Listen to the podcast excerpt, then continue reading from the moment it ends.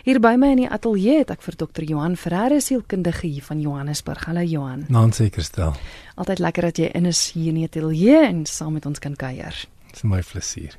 Nou Johan, dis Julie maand en soos ouer gewoonte vier ons Nelson Mandela se verjaardag. En as mens nou kyk, hy was 27 jaar in die tronk gewees. En mens kyk altyd so deur wat hy beleef het en wat hy moes deurmaak, maar ek dink mense vergeet soms wat die mense by die huis deurmaak, die geliefdes. En ek dink dit geld vir al die stories wat ons in die nuus hoor. Ons het nou gelees van Janusz Wallus wat al vir 23 jaar lank in die tronk is. As ons dink aan aan Dawie Lewis, ons dink aan Oscar Pistorius en alles waartoe hy nou gaan. Is dit dat ons dikwels die mense agter die skerms miskyk? Kyk, wanneer iemand gevangenisstraf moet uitdien, dan is daar op twee fronte natuurlik nou verlies. Dis die persoon wat die gevangenis moet moet uitdien wat nou hulle uh, verlies aan hulle vryheid beleef. Maar die mense wat agterbly, beleef natuurlik nou ook 'n verlies. Hulle beleef 'n verlies aan die teenwoordigheid van 'n geliefde. Daardie persone speel natuurlik almal sekere rolle in hulle families of in hulle gesinne. En die oomblik wat daai persoon in die gevangenis ingaan hou daai rolle op. Daai funksies wat die persoon verrig het staak die dag wat die persoon nie meer daar is nie. So die gesinsfunksionering moet aangaan en gewoonlik moet ander lede van die gesin nou daardie rolle optel en skielik funksies begin verrig waarvoor hulle dalk nie toegerus is nie waarvoor hulle dalk nie oud genoeg is nie, jy weet 'n tiener wat skielik 'n ouer moet word. Ehm um, 'n persoon wat nog nooit gewerk het nie wat dalk 'n broodwinner moet word. So die verlies lê maar aan beide kante, die persoon wat wat ingaan vir die tronkstraf en die mense wat agterbly. Mm -hmm. As ons nou dink aan kinders, klein kindertjies, op watter punt vertel jy vir jou kind dat dit is wat met mamma of pappa gebeur het? Dit is hoekom hulle nie meer by ons is nie. Kyk, my strategie is maar altyd dat eerlikheid die beste beste verweer is. Ehm um, dit help net dat mens nie later weer die storie moet herskryf nie.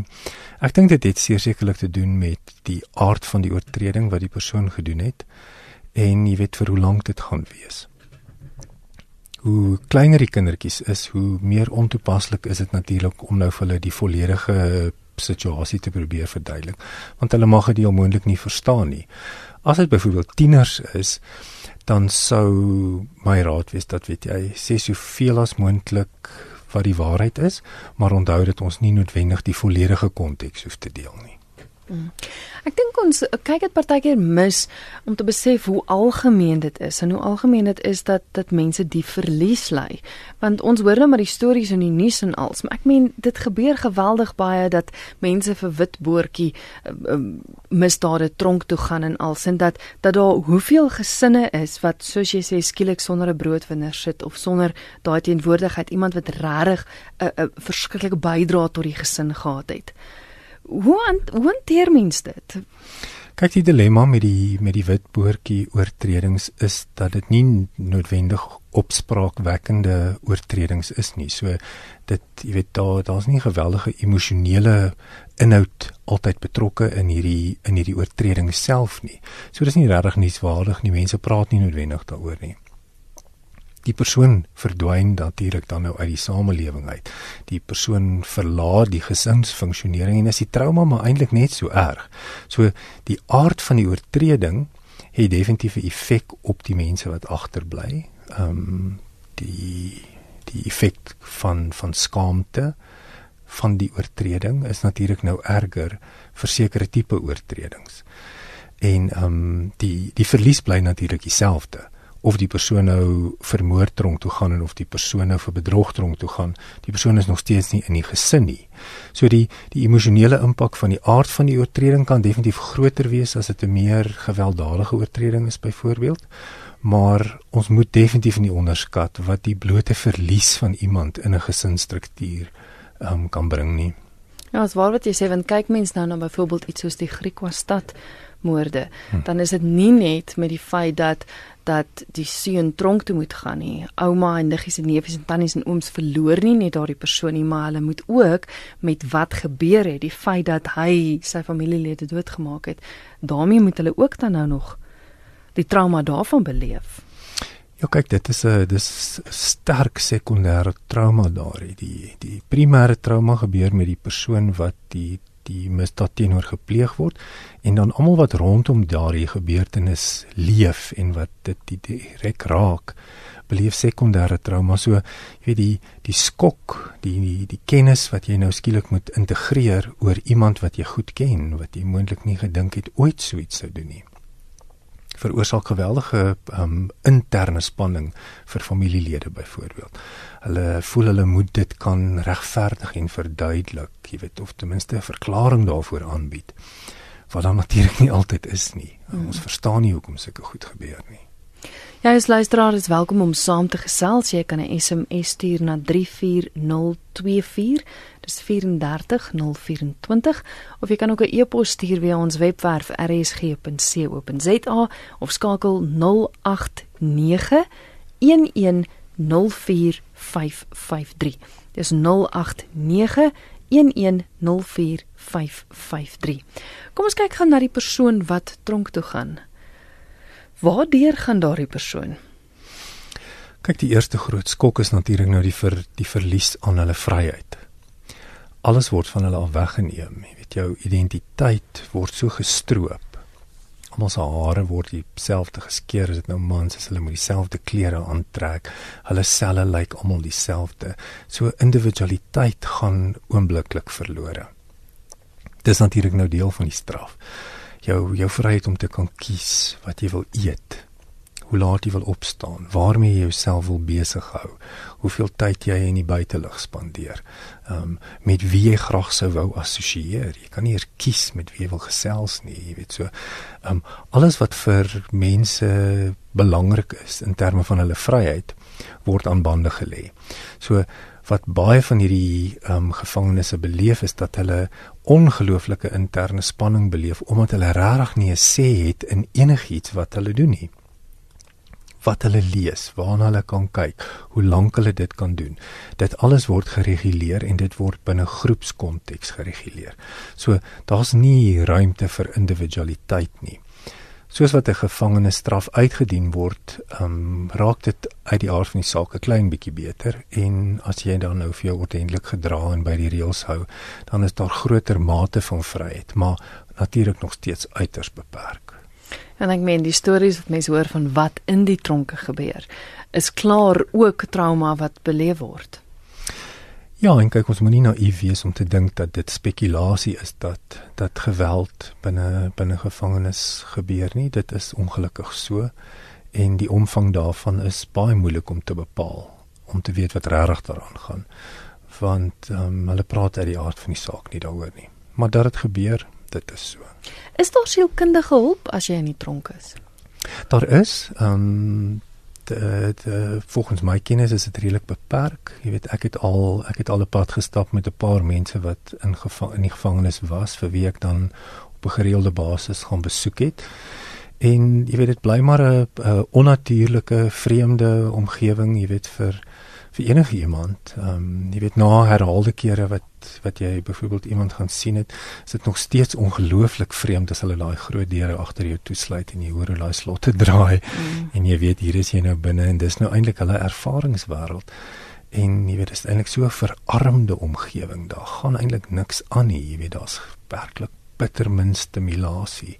So is baie moeilik om te oorleef om emosioneel gesond te bly aan die ander kant.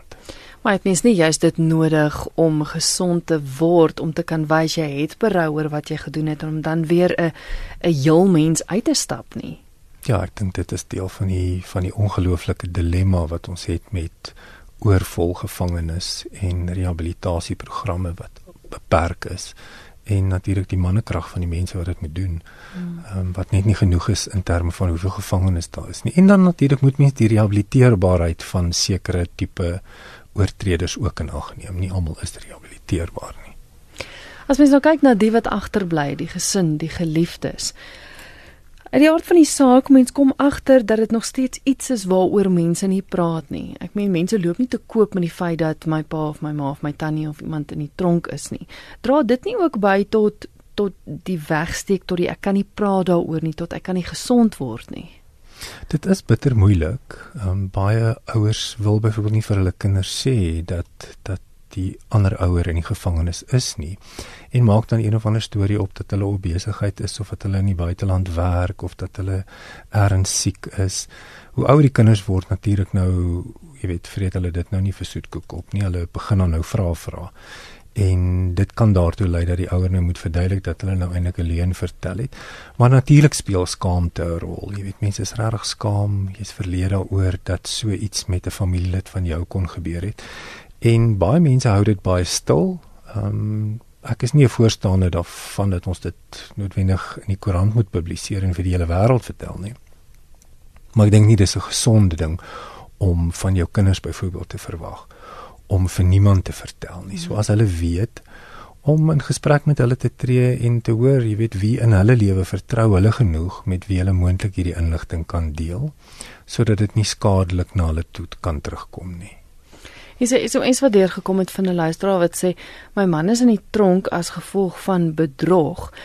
Ons, dis nou ek en my kinders gaan kuier gereeld, maar elke keer wat ons daar was en as ons terugry kan jy sien, dit is 'n mate van trauma wat hulle beleef het. Hulle wil hulle pa sien, maar dis elke keer uiters traumaties. So hanteer mens dit. Dit is ongelukkig die dilemma waarmee jy nou sit. Jy weet die die keuse om die verhouding met die ouer te laat voortbou. Dit kan ons net doen deur te besoek en om kontak te hê, te skryf, kennis uit te ra. Maar dan uit die aard van die saak, die trauma, die skok, die aaklige konteks wat hulle elke keer aan blootgestel moet word om te gaan sien, om te gaan beleef, om dit aan hulle eie lyf te kan voel dat hulle pa in die gevangenis is en dat hy nie die vryheid het om saam met hulle te kan gaan nie. Die ouderdom van die kinders is ook belangrik. Ek weet hoe kleiner hulle is, minder gaan hulle verstaan van die proses. So as hulle 'n bietjie ouer is, om vir hulle te probeer verduidelik dat dit iets is wat tydelik is om vir hulle die omvang van die tydlyn te probeer verduidelik. Ek weet dit as kindertjies klein is, is dit moeilik om vir 'n kind te verduidelik hoe lank 'n jaar of hoe lank is 2 jaar. Maar om ten minste te probeer om hulle daarvan te oortuig dat hierdie is nie iets wat permanent is nie, dat daar 'n einde aan hierdie seisoen sal wees en dat daar tog hoop is dat dit dat dit sal kan beter gaan en dat ons hooplik as 'n groep saam deur hierdie gebeurtenis kan gaan. Ek kan dink dat daar geweldig baie woede by betrokke moet wees. Ek kan nou net dink as as so 'n persoon nou vasgetrek word, daai woede van hoe kon jy dit doen aan die gesin? Want ons praat nou juist oor die feit dat dit nie net die persoon is wat nou tronk toe gaan wat gestraf word nie, maar inherent hmm. die hele gesin. Dit is so, jy weet, ehm um, na al die jare wat ek nou terapeut is en ek nou myself ook 'n paar jaar al geleef, besef ek dat ons nie noodwendig altyd dit wat ons verkeerd doen voor die tyd mooi beoordeel nie. So baie mense begaan oortredings um, en hulle hulle vervallende patroon daarvan om van van jongs af reëls te oortree. Dan wat ons baie keer sien is hulle raak so gewoond daaraan om reëls te oortree dat hulle uiteindelik by die plek uitkom waar hulle dan nou 'n groot reël oortree of waar hulle die wet oortree en waar dit dan as 'n geweldige skok vir hulle kom en die die verbalisering dit wat hulle gewoonlik sê tydens so gebeurtenis is ek kan nie glo ek het dit gedoen nie.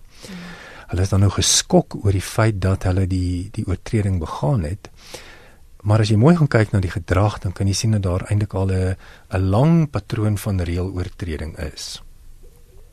Natuurlik vir die mense om hulle is dit dan nou 'n geweldige skok en hulle kan nie glo dat hulle dit gedoen het nie en dit kan vir jou ongelooflik kwaad wees. Maar gelukkig in meeste verhoudings is dit dan nou vergifnis en uiteindelik in meeste verhoudings kan ons oor so iets kom as ons uiteindelik verstaan dat die persoon daarom nou die insig het om te erken en te bely dat dit wat ek nou gedoen het verkeerd is dat ek dan nou beplan om op te hou om dit te doen. Nou ek kom terug by daai hele ding van om heeltyd met woede te leef, doen jy jouself eintlik meer skade aan as as die persoon.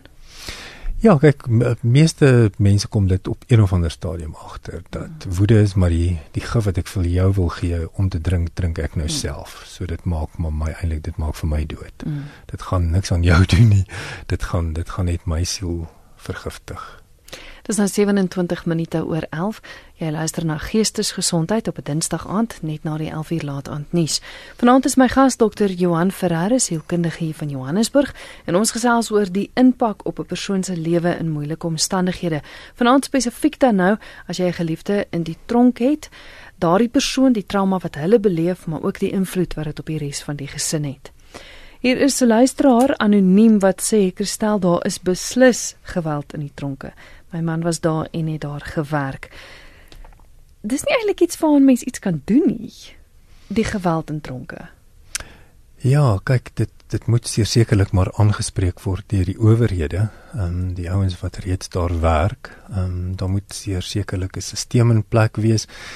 Die die die stelsel is uit die aard van die saak wêreldwyd bevraagtekenbaar om te om om te kan weet wie moet dit beheer, hoe gaan dit gekontroleer word, wie word verantwoordbaar gehou, is daar enige vorm van van beheer wat toegepas kan word.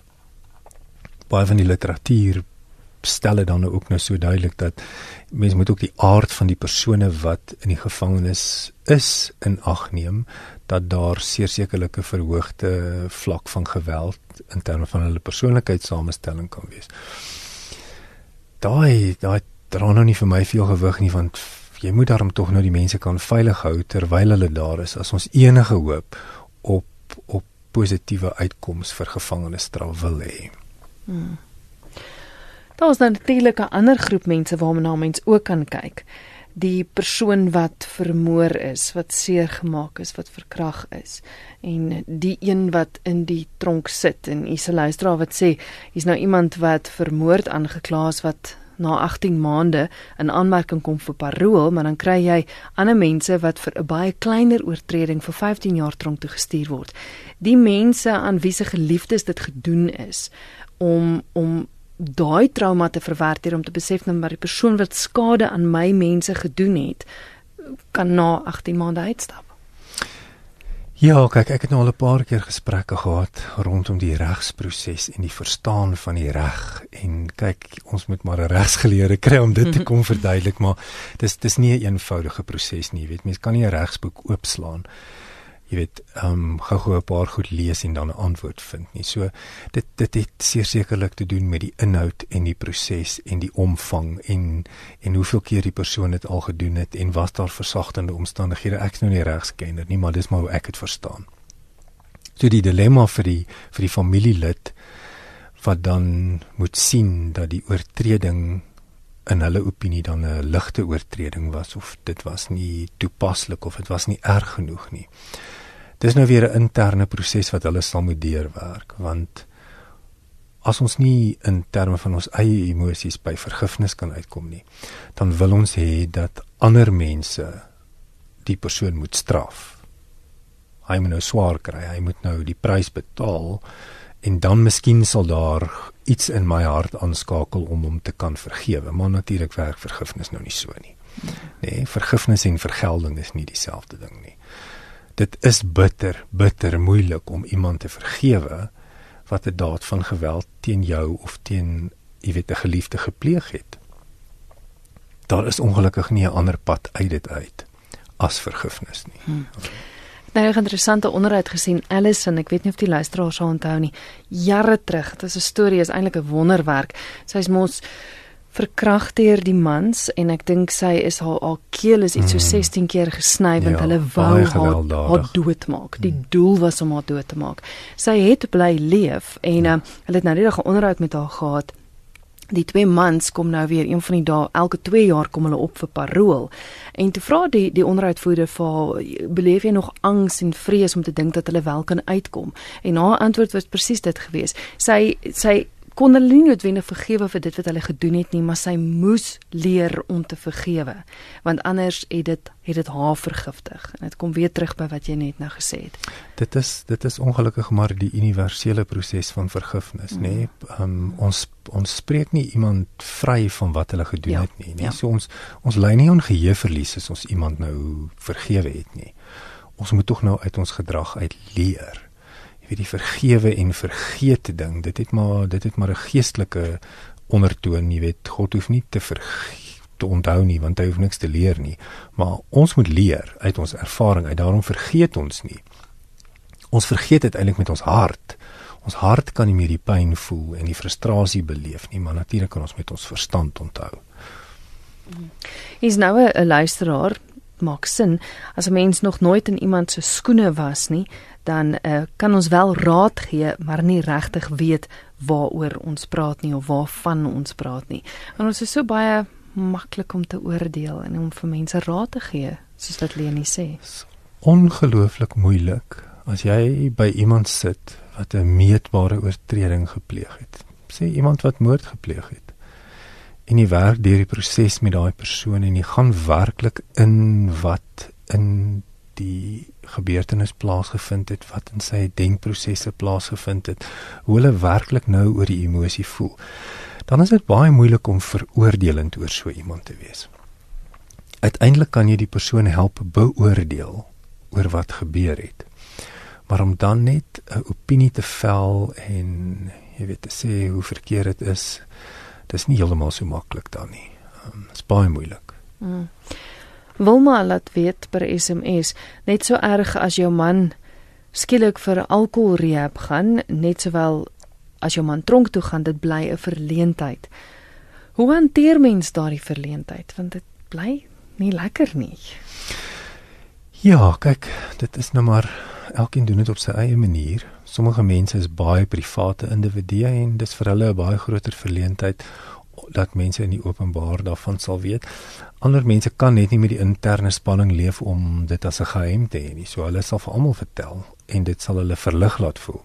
So sommige mense wil glad nie daaroor praat nie en ander mense wil baie daaroor praat. Dit het maar met jou persoonlikheidstyl te doen. Ek dink nie dit is baie ongesond om vir niemand te sê nie. Dan dra jy daai las, daai skaamte, daai emosies op jou eie jong ons is nou mos nou nie gemaak om goed op ons eie te doen nie. So eers gaan jy dit moet deel. So kies maar iemand wat jy vertrou, wat jy weet jou belange op die hart dra en deel dan jou pyn. Uh, ek dink is 'n redelike universele pyn. Mense sal verstaan. Mm. Nog 'n luisteraar wat sê van uh, Pretoria of Pretoria, ekskuus, is minie Pretoria wat sê niemand sal die hel van 'n tronk ooit begryp nie. Ons verlange is onmeetbaar. Ek moet dink dat dit erg is want elke keer wat jy gaan kuier, sien jy jou geliefde, jy besef heel moontlik die geweld en dinge wat in die tronk gebeur en jy kan net niks doen daaraan nie. Jy kan niks dan doen nie. So of jy nou die een is aan die binnekant en of jy nou die een is wat gaan kuier, jy bly totaal magteloos. Jy het geen sê nie. Jy kan nie iets daaraan doen nie dit is nou vir 'n sekere hoeveelheid tyd jou lot en jy moet dit nou so uitleef. So vir die arme individu aan die binnekant. Ek verstaan nou daar was 'n meetbare oortreding en hierdie is nou straf. Maar die emosionele pyn van daai isolasie.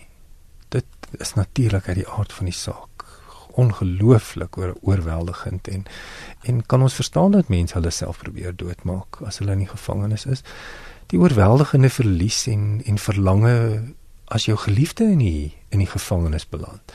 Iemand wat jy gewoond is om gereeld te sien en jy kan met hulle praat wanneer jy wil. Skielik kan jy net nie. Um, dit moet so jou so magteloos laat voel, so ontredderd moet laat want jy as 'n volwassene byvoorbeeld het dan nou skielik geen sê hierin nie. So daar's min dinge in ons lewe waaroor ons geen beheer het nie. Mm. Gevangenisstraf is een van hulle. As jy nou daar is, is jy nou daar en jy het nou geen sê daaroor nie. Die SMS nommer is 34024. Elke SMS kos jou R1. Ook e-posse kan gestuur word via ons webwerf rsg.co.za of jy kan skakel. Luisteraar het gevra om asseblief die nommer weer gee 089 1104553. Dis 089 1104553. 553. Ons SMS-lyn het dan vir so 'n oomblikkie verdwyn, maar hy is nou terug hierso. Kom ons kyk of daar nog SMS'e deurgekom het. Jy is welkom natuurlik om saam te gesels. Johan is hier in die ateljee en jy kan dalk 'n vraag vir hom vra 0891104553. Kyk of hy nog SMS'e deurgekom het. Is iemand wat sê pa, broers en ma as gevolg van 'n vrou wat hom laat glo het dat dit nie sy skuld was nie en dit is iets wat hulle moet verwerk sonder dat hulle kontak het met hom. Dis nie moeilik vir hierdie gesin of dit is moeilik vir hierdie gesin, daar is nie hulp nie. Dis Jolanda wat sou laat vra. Ek verstaan nie heeltemal die SMS nie, maar um, ek dink dit sluit aan by jog ja, daai daai onskuld. Ek het nou die dag 'n storie gehoor hmm. in die nuus van van 'n pa wat aangekla is dat hy sy kind verkragt het. En ek dink iets soos 3 jaar later het dit uitgekom dat dit nie waar was nie. En dat hy vir 3 jaar lank in die tronk moes gesit het vir iets wat hy nie gedoen het nie. Jy kan mos nou net vir jouself indink met die hoeveelheid van bitterheid en en en woede wat daai persoon moet saamleef. En jy kan dink hoe belangrik dit gaan vergifnis vir hom wees. Want jy weet om onskuldig te wees en uiteindelik gestraf te word daarvoor. Daar is seker min dinge in die lewe wat mens so hulpeloos laat voel en wat jou uiteindelik by 'n plek kan bring bring waar jy kan voel dat jy geregverdig wraak wil neem. So dit dit gebeur natuurlik ongelukkig. Ehm um, dit gebeur dalk ook meer as wat ons dink. Ehm um, jy weet die die regstelsel het maar sy eie uitdagings tans. So dit is 'n dis 'n geweldige groot uitdaging en wanneer daai persoon dan uiteindelik dan nou uit die gevangenis uitkom omdat iemand nou agtergekom het dat dit nie so is nie daardie persone het definitief 'n proses nodig wat hulle met iemand moet gaan deurwerk want dit is nie die tipe van emosie wat mens sommer op jou eie verwerk nie. Mm -hmm. Ek skiet ek het die helfte van Jolanda se SMS gelees. Dit was eintlik 'n langer SMS, maar waarop dit neerkom is dat sy sê dit is dis ook jou vriende wat op die ou ende kontak verbreek. Jy word eintlik baie alleen want al hoe minder mense doen moeite om te gaan kuier. Jy dis eintlik 'n baie alleen bestaan dan. Dit is 'n baie alleen bestaan. Kyk dit dit verg natuurlik 'n um, ehm, verbintenis om 'n verhouding met iemand vol te hou wat in die gevangenis is. Want dit is 'n baie onaangename ervaring om vir hulle te gaan kuier. Dit is nie positief nie. Maak nou nie saak hoe lief jy vir hulle is nie. Jy moet in 'n ry sit, jy moet wag. Daar's baie mense. Dis nie 'n aangename omgewing nie. Dit is dit is net oor die algemeen, jy weet, 'n slegte ervaring. En nou is dit by herhaling 'n slegte ervaring. En sommige mense probeer dit dan natuurlik nou eerder vermy. So mense moet redelik gemotiveerd wees om 'n langtermynverhouding met iemand te hê wat vir 'n lang tyd in die gevangenis gaan wees. Dit is nie maklik nie en ek kan verstaan, jy weet mense is besig, hulle het nie noodwendig tyd om dit te doen nie. En die die negativiteit van die ervaring motiveer mense nie noodwendig om aan te hou om dit te doen nie. Mm. Ons gesels nou spesifiek vanaand oor mense wat in die tronk is en die invloed wat dit op gesinne het. Maar maar die oorhoofse tema is eintlik 'n persoon met 'n lewe in moeilike omstandighede en daarom gaan ek die volgende e-pos lees want die doel van die program is om mense te help en dit klink vir my Johan het regtig hulp nodig. Hy sê my pa drink ongelooflik baie. Hy drink al vanaf my geboorte en ek is nou 23 jaar oud en hy gee sy verlede in die weermag die skuld. Hy bly die drank kies. Hy het nou al soveel kansse gehad en hy het alles opgemors. Ek weet nie wat gebeur het nie en ek gee ook nie om nie. Ek gee glad nie meer om wat met hom gebeur nie. En ek weet dat die Bybel sê dat jy jou ouers moet eer, maar ek bly by die huis net vir my ma se onthaalwe. Die rage is so erg, ek word so kwaad. Soms so kwaad, maar dan kry ek dit reg om vir 'n split second om jammer te kry. En uh hy sê dit maak my sommer net kwaad om die boodskap te tik ook. Ek het ongelooflike woede.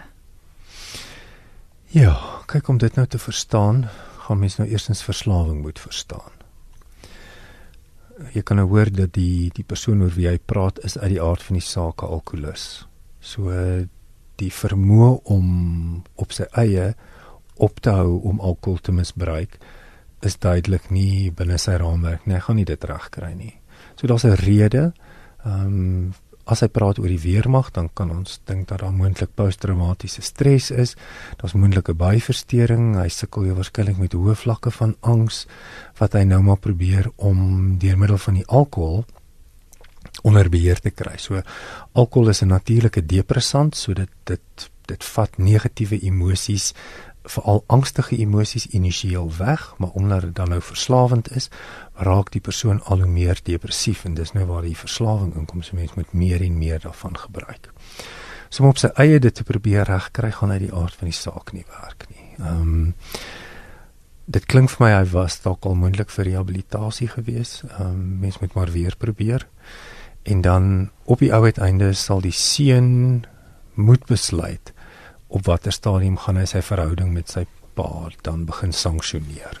Dat hy moet minder kontak hê. Ehm um, ek kan nou hoor dat hy by die huis bly vir sy ma se onthaalwe. Ongelukkig is dit wat verslawing doen. Verslawing kaap ander mense se lewens. En dit kan 'n leeftyd aanhou. So op die ou uiteinde moet ons leer om mense met verslawings die verhouding te sanksioneer, minder en minder kontak met hulle te hê, sodat die realiteit daarvan ook vir hulle kan deurkom. Ongelukkig kan ongelooflike frustrasie tot geweld lei en tot moontlike oortreding van die wet lei. So jy weet mense moet baie versigtig wees om oor 'n lang tydperk met diep en wye frustrasie met iemand binne in jou huis saam te leef. Want op een of ander stadium gaan jy ook genoeg daarvan hê en dan weet ons nie noodwendig wat jy gaan doen nie. So hy sal moet kyk of hy op 'n stadium jy weet sy eie individuele lewe kan terugkry en begin om jy weet sy eie identiteit te ontwikkel losstaande van wat met sy ouers gebeur. Dit is baie moeilik. Hmm. Dit is nou Johan se moeilike omstandighede en ek dink so kan mens kyk. Ek dink as 'n wye verskeidenheid verslawing, as mens kyk na iemand wat wat die uitdagings het van 'n gestremde of 'n persoon wat hmm. verskriklik siek is. Dis moeilike omstandighede. Werkloosheid. Op watter punt besef mens dat jy hulp nodig het? En watter van al hierdie moeilike omstandighede moet jy gaan hulp soek? As dit by watter punt kom? Ja, kyk, herstel, dit is moeilik om te sê dat daar 'n meetbare punt vir almal is. Dit hang maar van individu tot individu af. Jy kry mos mense wat net vir ewig en ewig kan aanhou met so iets. Hulle het net die ongelooflikste innerlike krag wat net maak dat hulle in die oggend kan opstaan en hulle kan net daai daai kind of daai daai huweliksmaat met een of ander gebrek um, of een of ander siekte versorg en aanhou versorg vir jare en jare en jare en dit lyk net of hulle dit net vir ewig sal kan regkry. Daar is net sulke mense. Hulle het net ongelooflike kapasiteit daarvoor. Dan is daar ongelukkig ander mense wie se kapasiteit vir die verdraagsaamheid van stres in hulle lewe net baie laer is. Hulle kan dit nie so lank doen nie en hulle het net nie soveel krag om te kan aanhou en aanhou en aanhou daarmee nie. Hulle is uit die aard van die saak meer kwesbaar. So hulle sal vinniger ondersteuning, raad, hulp, leiding nodig hê as iemand wat van nature 'n uh, uh, hoër kapasiteit het vir vir interne spanning. So uh, dit hang maar van individu tot individu af. Luister wat sê my twee ooms is in die tronk vir bedrog, maar beide die families praat nie daagliks daaroor nie. Hoe hanteer mens daardie verwerping of onderwerp? Hoe hanteer mens die onderwerp, ekskuus? Kyk, die beste om so 'n onderwerp maar te hanteer is om te sorg dat dit nou dit dit op die tafel kom. So ons moet ten minste dan een keer vir mekaar kan sê, maar dit is die feite. So laat ons nie laat ons nie onseker is oor die inhoud nie. So ons hoef nie te wonder waar is hulle? Hoekom is hulle daar? Wat het hulle gedoen om daar te kom? En vir hoe lank gaan hulle waarskynlik daar wees nie. So as ons dit dan ten minste een keer vir mekaar kan sê, dan hoef ons dan seker nou nie elke keer as ons tee drink daaroor te gesels nie. Dis mos nou al 'n onaangename onderwerp. Maar om nog steeds oor hulle te praat, ons hulle is mos nou nie dood nie. So dit is nou nie ons het nou nie die verhouding met hulle verloor nie. Ons het hulle teenwoordigheid verloor. Maar om daarom oor hulle te praat en daarom erkenning te gee aan die feit dat hulle ons familielede is en dat hulle belangrike mense in ons lewe is en dat hierdie 'n tydelike konteks is wat op 'n stadium verby gaan gaan. Ehm um, en dan om genade te hê vir die familielede wat dalk nog baie kwaad is, wat nog nie vergewe het nie en om nie vies te wees vir die wat klaar vergewe het nie. Nee, dit beteken nie ons verskoon hulle nie. Dit beteken net ons het hulle nou vergewe. Mhm. Mm Kom ons kyk gou ons het 'n oproep. RSG RSG goeienaand. Ja. Ek graag net iets van die brief tog. Seker jy's op lig. Jy's op die lig, jy kan praat? Ek wil net hoor, ek het jou jaar gelede het ek uh fout gemaak en toe wil ek het uh reggemaak het. Ek het my regkort, dat skoonmaak, had dan niks gebeur nie. Hoekom het hulle dit nou nog gedoen? Dit graag al wat ek wil weet. Goed, dankie. Ek weet nie heeltemal of ons dit kan antwoord nie. ja. Nee, ek dink ons sal 'n Ja. ons sal staatsaanklaer of regsgeleerde moet vra. Kan mens jou rekord skoonmaak? Man, Wonder Christ- ek nou. Man Kristel, ek weet nie ek sal gou iemand moet bel, maar ek vermoed dit is nie heeltemal wettig nie. Ons hoor gaan. RSG gooi naam. Er is geen. Dis reg ja. En ek gaan foon af ag dan sê. Wat doen sê ek ek luister na die program daar so wat wat Johanna aanbied. Ja. Ehm um, mag ek dalk uh, sy nommertjie of hoe kan ek hom praat of hoe hoe werk dit?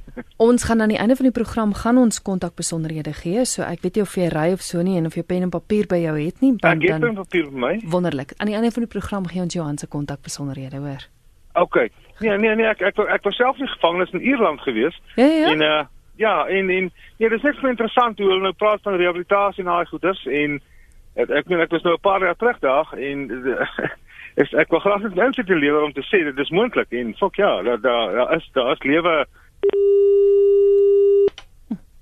Of verdwyn hy nou, ekskuus. Daar's definitief ehm um, mense wat wat rehabiliteer uit die gevangenis uit ehm um, eh, sonder enige twyfel. Mense wat wat 'n oortreding begaan het en dan ehm um, in die gevangenis was en tot inkeer kom en verstaan wat hulle gedoen het en groot verantwoordelikheid neem vir vir dit wat hulle verkeerd gedoen het en um, wat eintlik 'n positiewe belewenis het dat hulle 'n kans gekry het om te kan regmaak. So dis wonderlik om te hoor dat daar werklik mense is wat wat met 'n positiewe belewenis uit 'n baie baie negatiewe lewenssituasie uit kan kom. En en ja, dis inspirerend. Ek hoop dit is inspirerend vir vir enige iemand wat moontlik iemand ken of wat self in die gevangenis is wat om te weet jy kan. Natuurlik kan jy. Ehm um, daar's altyd hoop. Um, En dit hang baie van die individu af want hier's nou 'n SMS wat deurkom wat sê my pa was in die gevangenis, maar hy stel glad nie belang in sy kinders nie. Hy's al 13 jaar uit en eh, geen deel in ons lewens nie. Hy stel ook nie belang nie en hy sê hy wil ook nie werk kry nie. So so dit hang af van jou ingesteldheid as jy uit die tronk uitkom. Dit is so. Ehm um, ek ek dink hoe langer mens in die gevangenis was, hoe moeiliker is die aanpassing na die tyd natuurlik. Dit dit sou dit sou redelik wees om dit te te verstaan dat dit so is. Mens moet ook verstaan dat jy weet as mens vir 'n lang tyd in die gevangenis is, dan is daar 'n groot deel van jou verhouding met jou kinders en jou familielede waarop jy uitgemis het en kan dit baie lank neem om daai agterstand in terme van die verhouding te probeer opvang want daar's so 'n groot deel van die realiteit wat jy gemis het. Jy het byvoorbeeld nooit jou kinders gesien as tieners nie. So jy het moontlik in die gevangenis ingegaan toe was hulle klein kindertjies en toe jy uitkom toe is hulle volwassenes. So dis baie moeilik om daai verhoudingsdinamika vinnig te herstel. Daar is natuurlik mense wat dit reg kry en pragtig reg kry en dan ongelukkig is daar individue wat nie nie oor daai hekkie kan kom nie. Dit is net, jy weet, die die verwydering is te groot. Natuurlik ook skuldgevoel en skaamte. Ag, jy kan ons nou dink, ehm um, dit moet net so 'n uitdaging wees. Jy weet as jy so sigbare en meetbare oortreding oorgaan, uh, om, jy weet, ehm um, begaan het en en toe nou die straf daarvoor moes uitdien. Kan dit moontlik 'n herinnering daaraan wees dat elke keer wat jy jou familie sien, dan dan herinner hulle jou daaraan dat jy dat jy die oortreding begaan het. Is nou realiteit. Mini Pretoria is wat weer 'n SMS stuur wat sê dat ehm wat is die sin van tronkstraf? Daar is geen rehabilitasie nie. Sy sê die fone by Sonderwater is reeds 7 maande buite werking, maar die gevolg is dat 120 persone binne 1 uur moet bel. Ek het dit alself gaan rapporteer op 3 Junie. 35 fone. Gee asseblief raad hoe gevangenes en hulle geliefdes dit moet hanteer want sy sê dit is ons enigste lewensaard dit is ons kontak met ons geliefde Ag, weet jy dit breek se hart as jy dit hoor. Ehm um, al al wat ek kan dink wat mense kan doen is om aan te hou om dit te rapporteer. Ek dink nie daar's noodwendig 'n ander roete wat mense kan volg nie. Ehm um, jy weet jy moet maar jy weet in terme van van van sulke groot staatsinstansies as jy nou nie die protokolle volg nie, dan gaan daar in elk geval niks gebeur nie. So ehm um, uiters frustrerend. Ek kan ek kan net dink hoe ongelooflik moedeloos dit moet wees om dan nou nie eers die persoon te kan bel of dit hom oproep. daai gemis soveel erger Ja. Want dis al wat daar is. Mm. En Afsluit met een van 'n luisteraar wat sê my seun is verkragt in die gevangenis jare gelede en dit het hom 'n aggressiewe mens gemaak. dis bitter. Ek kan dink dat dit 'n uh, dat dit 'n meetbare realiteit is dat as so iets met jou gebeur dat daar soveel moedeloosheid en soveel selfbeskerming dan by daai persoon geskep word dat die persoon eintlik maar net aggressief sal wees teenoor almal rondom hom want hy was dan natuurlik nou totaal hulpeloos geweest toe toe daardie daad van geweld jy weet met hom gepleeg is. So die die natuurlike gevolg van mense wat so so ehm um, jy weet um, te nagekom is is om baie keer hulle self met aggressie te omring. Mens moet maar op die plek kom waar jy op een of ander stadium van jou lewe moet poog om iets daaraan te doen. Jy weet 'n intrassigiese skuif te maak binne in jouself want dan anders gaan dit net aanhou uitspeel tussen jou en ander mense.